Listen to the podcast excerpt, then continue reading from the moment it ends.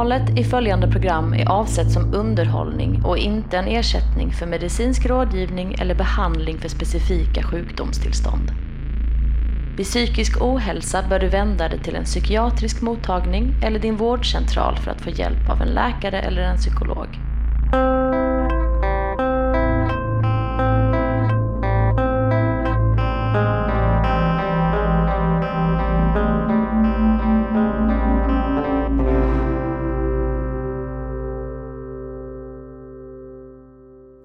Ja du Johan, jag tänkte på att den här veckan för mig är ganska tuff och den ser ut att bli tuff också. Det är lite motgångar och det är också galet mycket att göra eh, med mina mått mätt.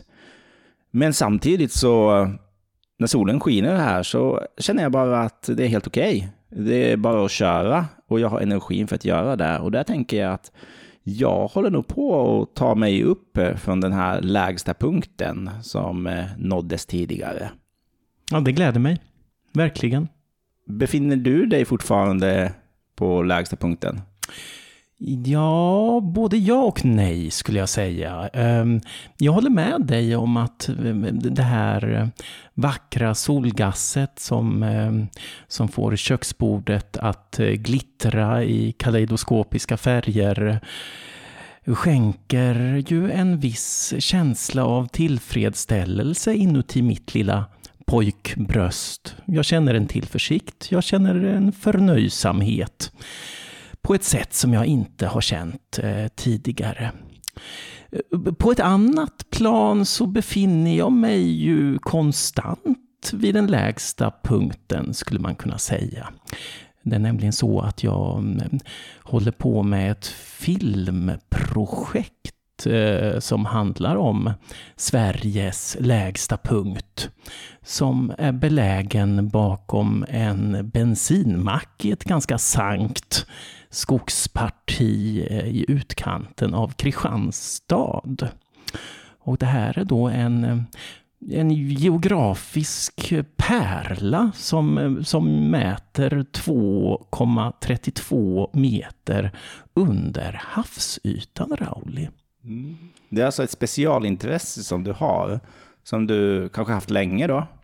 Ja, jag har väl haft det sedan eh, mitten av 90-talet skulle man kunna säga. Jag tror det var då Kristianstads kommun eh, lanserade den här attraktionen eh, och smällde upp ett stalinistiskt monument i det här väldigt sanka skogspartiet där man då kan stå och uppleva den här metafysiska känslan av att verkligen befinna sig på just Sveriges lägsta punkt. Men är det verkligen Sveriges lägsta punkt? Ja, det är ju en bra fråga. Det är nämligen så att det har blossat upp en ganska infekterad strid. Det är nämligen så att Sölvesborgs kommun eh, vill eh, på något sätt göra anspråk på just den lägsta punkten. De... Buh. Buh. Eh, de menar att de har den lägsta punkten i den torrlagda sjön Vesans gamla botten. Vet du hur låg den punkten sägs vara? Vad, vad gör Sölvesborg för anspråk där? De har ju inte riktigt uppgett någon eh, faktisk siffra än, men eh, vi väntar ju med spänning om, om det kan bli så att Sölvesborg kan slå eh, Kristianstad då på fingrarna med sin skollinjal hårt. Klassiska känsloargument från Sölvesborg känner jag här nu. Men eh, tror du att de kommer att kämpa för det här? Ja, det finns en 98-årig hembygdsnestor som har vigt sitt liv åt den här frågan. Så jag har rykten om att de kommer att finansiera eh, privata mätningar helt enkelt för att gå till botten med eh, den här eh, delikata frågan. Det finns ju jättemycket utrymme för korruption där. Privata mätningar och Ja, det kommer bli en rättssak låter det som. Ja, jag tänker att vi kanske kan åka dit i sommar. Du hoppas lite på att det ska bli en rättssak misstänker jag också, eftersom det är, det är någonting som du följt ett tag och investerar en hel del tid i att dokumentera. Ja, nej, men jag har dragits till den här platsen. Eh, av någon outgrundlig anledning. Jag tror det finns väl någon slags koppling mellan eh, den geografiska lägsta punkten och kanske den mentala lägsta punkten, skulle jag säga. Och det är också väldigt, väldigt spännande för när Kristianstad då lanserade den här attraktionen så, så uttalade sig kommunrepresentanterna i Kristianstadsbladet och sa det att ja, Kebnekaise är ju Sveriges högsta punkt och det är ju en plats som lockar väldigt många turister och vi har den lägsta punkten och den borde ju kunna attrahera lika många turister. Hur är det med att eh, det ska vara naturligt. Eh, det får inte vara man-made på något sätt, för att man blir så sugen på att ställa sig då på 2, eh, någonting i Kristianstad med en spade och köra igång, men då kanske liksom hela evenemanget, spektaklet blir eh, diskvalificerat? Ja, nej men det tror jag att det finns ju, mm, alltså grävda gropar, det är ju lite som botox och Restylane i lägsta punkten sammanhang skulle jag säga, utan det ska vara en naturlig eh, punkt så att säga. Mm. Ingen doping i den här tävlingen. Absolut Men inte. gärna fult spel. Eller hur? Eller hur? Men du känner att du har eh, kommit upp från den här punkten ur Rauli? Och... Just Kristianstads lägsta punkt där, eller Sveriges då, där det tror jag faktiskt inte jag varit. Jag har varit medveten om att eh, den här punkten finns, men det har inte blivit en resa. Jag tror att kanske i sommar, alltså just nu medan vi pratar så känner jag plötsligt en brinnande lust för att besöka det här stället. Men du har ju proppat för det ganska hårt också. Ja, jo, nej, men det är ju en mycket spännande plats som jag gärna hade tagit med dig till faktiskt, Rauli Sulanko. Eh, det har på något mycket märkligt sätt utvecklats till ett eh, cruising eldorado samtidigt. Eh, så RFSU är där och sätter upp kondomholkar och ofta när man är där och tittar på det här monumentet som är beläget precis vid E22 så, så ser man både det ena och det andra i sexuella eh, avseenden. Det är spännande att du, det här informationen som du kom med sist kom i samband med att du gärna skulle vilja ta mig dit. Så att eh, du har väl någon slags eh, bilder av mina intressen som jag inte är säker på att eh, du blir tillfredsställd av. Var inte blyg nu. Nej, blyghet hör inte våren till, det är väl en sak som är säker. Midsommar på lägsta punkten. Inte omöjligt. Med händerna djupt nere i kondomholkarna. ja, hala händer i, tyvärr så är det Kristianstad. Jag skulle hoppas att det skulle varit någon Helsingborg då, för det skulle bli en sån fin all alliteration. Ja, men du, nu kravlar vi oss upp ja. från den här punkten. Med våra hala tassar. Ja, men eh, jag tänker mig det här att eh, det här med specialintressen eh, och ens engagemang för dem att det är ett vårtecken. Att saker eh, har mening lite grann. Att det, det är kul med, med projekt, med idéer, med planer, man bejakar grejer och man kan se att saker är spännande istället för störiga moment som eh, på något sätt rubbar ens cirklar som är ganska tråkiga.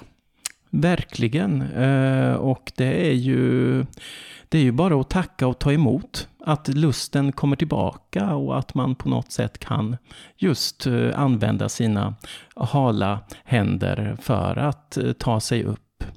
Och det är fantastiskt att faktiskt känna att man brinner för eh, idéer och projekt igen efter en lång och mörk vinter. Jag har tänkt på att det är, det är en egenskap i det här med att eh, tycka att eh, vintern är jobbig, eh, eller det, den perioden, den mörka perioden, vilken årstid den nu skulle kallas nere i Skåne. Att eh, den här förmågan att se fram emot saker försvinner. Och att det handlar mer om att vänta ut det som är dåligt. Och också vetskapen på något sätt att det blir jobbigare innan det blir bättre. Då är det svårt att tänka så här, ja men efter det här, då kommer det bli gött. Och ungefär som nu när jag har ganska mycket saker och deadlines framför allt och tentor och grejer fram till på måndag, så ser jag fram emot tisdagen eh, för att det har en avsaknad av de här förväntningarna. Och det är lite där som jag tycker vintern präglas av. Att man ser fram emot att inte ha det besvärliga. Och sen när man väl är på ett bättre ställe, då ser man ju fram emot det som ska bli kul, det som väcker nyfikenhet och intresse, att man har lust att prata om saker som man ser omkring sig istället för saker man bara har i huvudet. Och, och det, det om något är ett vårtecken tycker jag. Ja, jag håller med dig. Det var fint eh, beskrivet. Vad ska du göra på tisdag? Ska du göra en god asiatisk wok? Eh, titta på någon gammal härlig fransk noirfilm? Eller ska du ta en liten promenad? Alla tre. Eh, jag ska kolla med, med Vuk i ena handen och en mobil med en skön fransk noirfilm i andra ska jag gå på en lång, lång promenad oavsett väder. Nej, men allvarligt talat så är det en jättebra fråga. Just i det här med att när man längtar efter avsaknad av förväntningar, så vad ska man ha det till? Och det kan ju ofta bli antiklimax, att man sen liksom eh, ligger och vilar och inte gör någonting. Och det kan vara väldigt skönt om det faktiskt var en verklig ansträngning. Men om det handlar liksom om det här mentala på något sätt, att ah, men jag behöver lite någonting för mig själv, så är det inte så skönt alltid ändå. Så just det här, vad vill jag ha då? Vad ser jag fram emot? Det är ju en superrelevant fråga här och nu istället för visst ska det bli skönt som något påstående och man, då blir det en väldigt vag idé. Om, ah, ja, det blir det nog hoppas jag. Ja, nej, man kanske ska jobba lite mer och, och, och, planera. Planera sin framtida lyx för att kunna njuta av den till fullo. Det är så ironiskt, det finns någonting i det här när du säger det, när vi har pratat så mycket om så här, ja, ah, men det går inte att ha rutiner och planera saker och ah, nej, fy fan, man ska bara sitta och bita ihop. Och nu när liksom den känslan lättar så är det plötsligt motsatsen. Så här, ja, nu passar det att planera när det egentligen inte kanske behövs på samma sätt som en nödvändighet.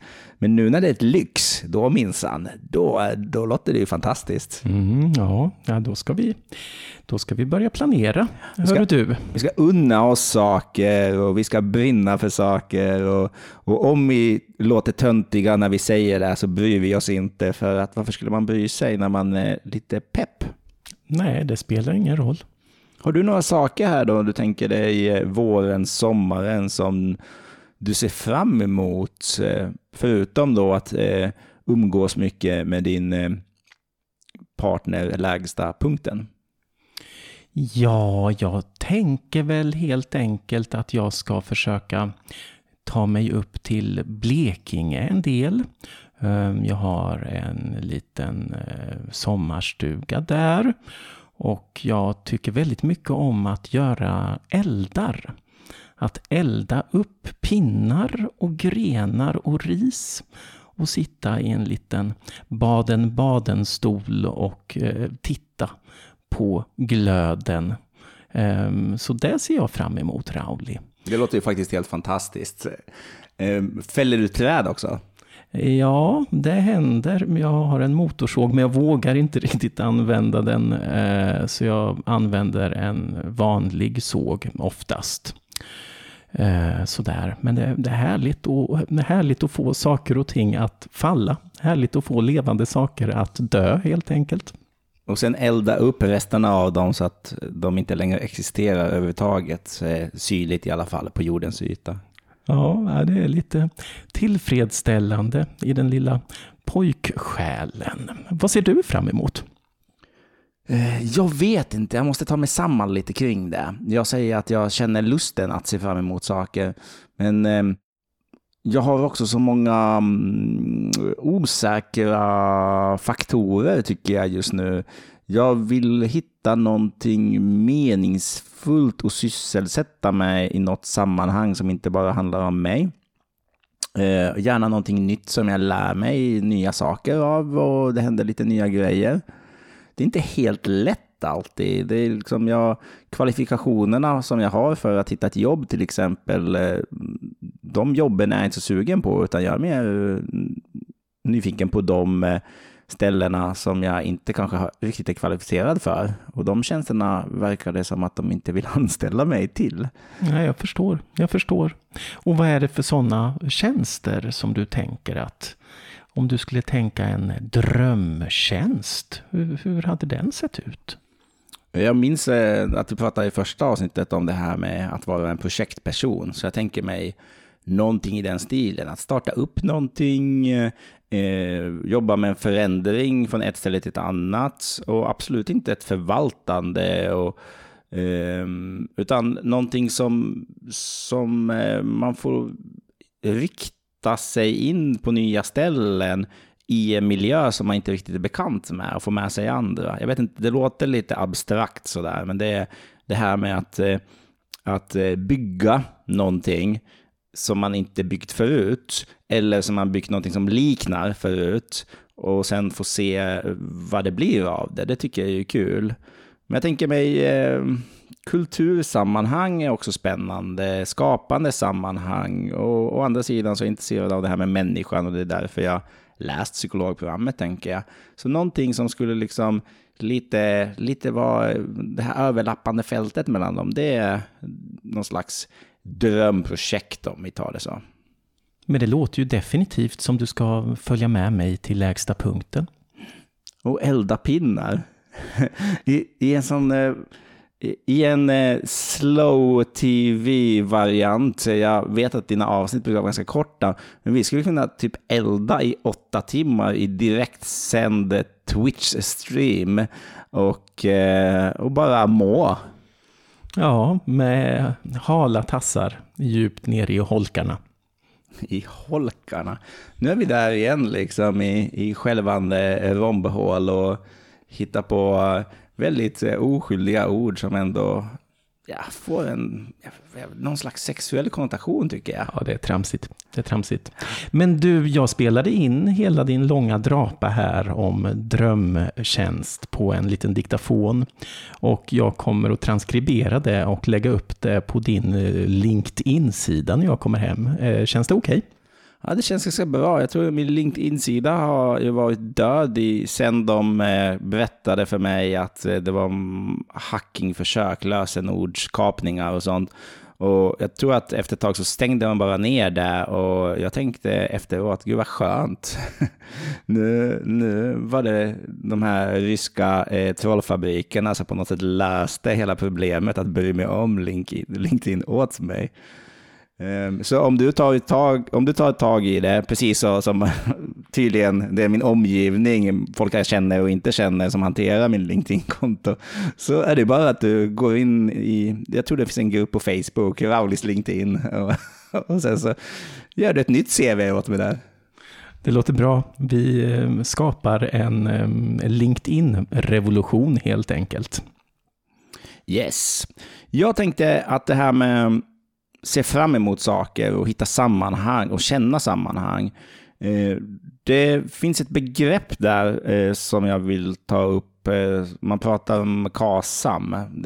Psykologer pratar en del om det. Man pratar om det i skolan, att man ska ha KASAM. Och då pratar man om känsla av sammanhang. Och det är den här tanken att om du har känsla av sammanhang i det du gör och i ditt liv så mår du bättre. Det korrelerar ganska mycket med många hälsofaktorer i livet. Och det gäller barn och det gäller äldre. Och eh, det här eh, är ju lite vagt. Det är en snubbe som heter Antonovski som hittar på hela grejen en gång i tiden. Men det sätter fingret på någonting så, så att begreppet har ju ändå överlevt och tas upp i olika diskurser. Och KASAM handlar då om att det finns tre faktorer på något sätt som skapar sammanhang åt oss. Och det är först det här med begriplighet, att vi fattar sammanhang, vi förstår varför saker händer, det makes sense för oss, det vi har i huvudet och det som händer utanför oss överensstämmer på något sätt. Och så har vi hanterbarhet som eh, handlar om att vi känner att vi har verktygen för att hantera de här situationerna. Att eh, oavsett om det är någonting som vi gillar eller ogillar så kan vi i de här sammanhangen eh, hela tiden plocka fram olika kompetenser hos oss som gör att vi, vi liksom på det här sättet blir delaktiga i det hela. Eh, om vi inte har de här verktygen så, så hamnar vi utanför. Och så har vi det sista som är kanske vagaste och det är det här med meningsfullhet. Att vi känner att det här som man gör är kopplat till eh, eh, någon slags eh, utveckling kanske av någonting. Att, eh, att det här spelar roll för andra än oss själva. Och, och den är ju kanske svår att sätta fingret på eller mäta på något sätt. Men det finns ju en del sådana här KASAM-tester och eh, när jag har gjort sådana så hamnar jag alltid förvånansvärt lågt. Alltså när man gör självskattningar så brukar man ju känna så här, ja ah, det blev ju så, för man skattar ju sig själv. Men jag tänker, liksom, fan, har folk så här mycket känsla av sammanhang som då inte jag har? För att det som jag brukar fixa, det är just den här eh, hanterbarhetsbiten. Att jag känner att ah, men det här det kan jag ändå lösa.